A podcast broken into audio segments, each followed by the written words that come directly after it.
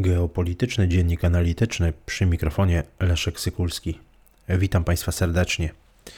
Kiedy Komisja Europejska 14 lipca tego roku przedstawiła cały pakiet zmian prawnych zatytułowany Fit for 55, czyli gotowi na 55, spora część komentatorów, spora część publicystów i ekspertów no, zwracała uwagę na to, że ta część Europejskiego Zielonego Ładu może stać się dużym e, problemem, dużym obciążeniem dla państw, których gospodarka jest gospodarką wysokoemisyjną. Ja tylko przypomnę, że Europejski Zielony Ład to koncepcja przedstawiona pod koniec 2019 roku, a pakiet Fit for 55 ma odegrać dosyć istotną rolę, jeśli chodzi o osiągnięcie tak zwanej neutralności klimatycznej przez państwa Unii Europejskiej do 2030 roku. To właśnie e, ta perspektywa, ta granica ma być e, bardzo istotna, jeśli chodzi o mm, ograniczanie emisji gazów cieplarnianych. One mają zostać zmniejszone o te tytułowe 55% w odniesieniu do roku 1990. Natomiast ten ambitny plan można powiedzieć, neutralności klimatycznej ma, ma być osiągnięty przez Unię Europejską do roku 2050. Jednym z najważniejszych komponentów y, pakietu Fit for 55 jest y, unijny system handlu emisjami. To system, który powstał jeszcze w roku 2005. On wówczas miał koncentrować się na celu redukcyjnym na poziomie 40% do 2030 roku. Y, jego celem jest przede wszystkim oczywiście redukcja emisji gazów cieplarnianych, wprowadza limit łącznych emisji dwutlenku węgla przez firmy, które są objęte tym systemem. No, przede wszystkim tutaj mowa jest o elektrowniach, o liniach lotniczych, o różnego rodzaju fabrykach. Mm, które działają na terenie mm, Unii Europejskiej. Mm, no, mówi się nawet, że jest to około 10 tysięcy różnego rodzaju właśnie podmiotów z sektora energetyki, przemysł, y, linii lotniczych, właśnie przemysłu wytwórczego, fabryk itd. itd. Y, to, co jest istotne, to fakt, że firmy, które są objęte ETS-em, muszą y, uzyskać, kupić po prostu pozwolenie na, na emisję. To pozwolenie w ogóle jest takim warunkiem koniecznym, aby mogły w ogóle, aby mogły prowadzić e, swoją działalność. E, te pozwolenia są kupowane na aukcjach, które są organiz- które y, organizują państwa członkowskie. W szczególnych wypadkach oczywiście zdarza się tak, że te firmy mogą uzyskać je za darmo.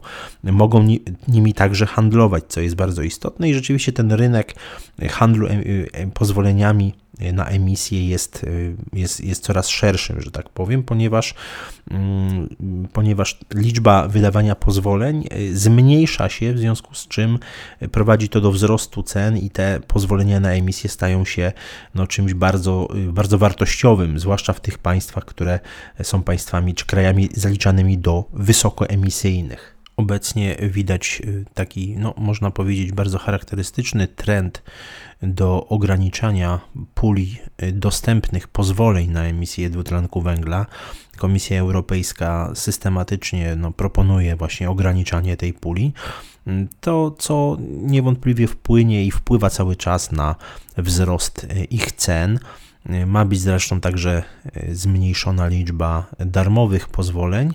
No a ten cel, jakim jest, y, można powiedzieć, gospodarka bezemisyjna, będzie, będzie skutkował i wyższymi celami redukcyjnymi, i no, oczywiście odbije się także na kieszeniach przeciętnego, przeciętnego podatnika.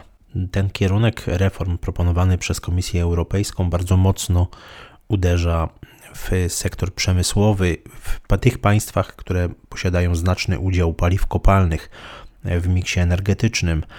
I y, tutaj ta reforma niewątpliwie bardzo mocno uderzy w kieszeń przeciętnego podatnika, po prostu spowoduje wzrost cen energii dla, dla konsumentów i niewątpliwie jednym z państw, y, których dotkną takie wzrosty energii jest, jest Polska. Mimo faktu, że dochody naszego kraju z tytułu sprzedaży uprawnień do emisji CO2 mm, od początku istnienia tego systemu, systemu ETS, mm, wyniosły już ponad 20 miliardów złotych e, i będą prawdopodobnie w ciągu najbliższych lat także rosły, no to trzeba zauważyć i podkreślić, że polska gospodarka, polski sektor energetyczny jest nieprzystosowany do e, tak ambitnych e, celów związanych z niskoemisyjną gospodarką. I jeśli spojrzymy tutaj nawet na taki bardzo ważny dokument pod tytułem Polityka energetyczna Polski do 2040 roku, który został zatwierdzony przez Radę Ministrów 2 lutego bieżącego roku, to widzimy, że ten dokument no, nie przystaje już do tych ambitnych celów wyznaczanych przez Komisję Europejską. Obecnie w Polsce mamy taką sytuację, że mm, spalanie y, wysokoemisyjnych paliw kopalnych mm, dostarcza 77% energii. Natomiast y, odnawialne źródła energii stanowią zaledwie 11% miksu energetycznego. Polska dziś jest na siódmym miejscu w Unii Europejskiej, jeśli chodzi o ilość emitowanych ton dwutlenku węgla na jednego mieszkańca, i to jest około 400 milionów ton które rocznie polska gospodarka emituje do, do atmosfery. To jest no, niecałe 10% wszystkich emisji CO2 na obszarze Unii Europejskiej.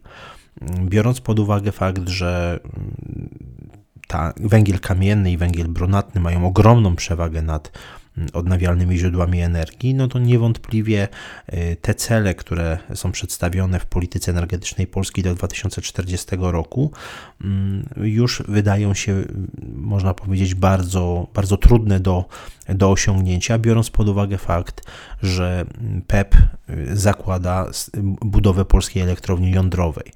Jeśli spojrzymy na te ambitne założenia, to do 2040 roku, czy może, może tak, w 2040 roku ponad połowę mocy zainstalowanych w polskim sektorze energetycznym mają stanowić źródła zeroemisyjne.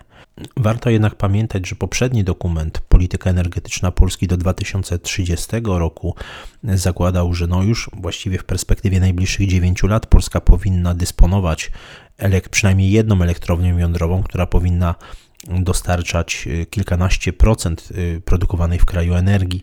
Jak wiemy, no, ten, ta perspektywa będzie bardzo trudna do zrealizowania, a mm, wielu ekspertów podkreśla, że z uwagi na sprzeciw Niemiec, sprzeciw takiej, y, takiej partii politycznej jak Zieloni, może być to bardzo trudne do, do osiągnięcia, jeśli w ogóle możliwe.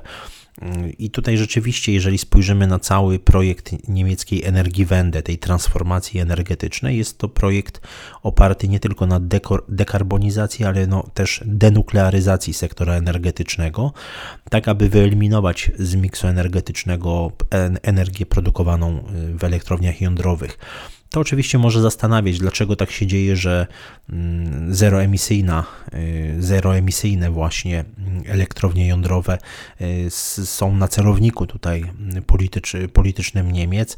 No jest to oczywiście znacznie szersza układanka związana z geopolityką rurociągów. Y, dobrze wiemy, że bez rosyjskiego gazu niemiecka Energiewende byłaby niemożliwa, natomiast ta perspektywa uczynienia Niemiec hubem gazowym czy inaczej hubem energetycznym mm, w Unii Europejskiej, który będzie w stanie redystrybuować y, czy to, y, czy to gaz, czy będzie w stanie dystrybuować, sprzedawać energię elektryczną produkowaną z odnawialnych źródeł energii dzięki wysokim technologiom e, i tym samym no, rozszerzać pole wpływu gospodarczego, a co za tym idzie także politycznego Niemiec, chociażby w Europie Środkowej, jest to cel naczelny e, dla, dla Berlina. Z punktu widzenia państwa polskiego, rezygnacja z projektu jądrowego, rezygnacja z projektu e, elektrowni jądrowych byłaby moim zdaniem katastrofalna, jeśli chodzi o polskie bezpieczeństwo energetyczne. Już teraz widzimy, jak wielką trudność sprawia dokończenie budowy gazociągu Baltic Pipe e, i w ogóle jakby osiągnięcie dywersyfikacji e, dostaw źródeł energii. Wiemy dobrze, że 31 grudnia 2022 roku kończy się kontrakt na dostawy gazu z Rosji. Ten kontrakt kontrakt stulecia podpisany jeszcze za czasów rządu Waldemara Pawlaka z Gazpromem. On się kończy. To, czy Baltic Pipe zostanie uruchomiony 1 października przyszłego roku, no moim zdaniem jest, stoi pod znakiem wielkiego, pod wielkim znakiem zapytania.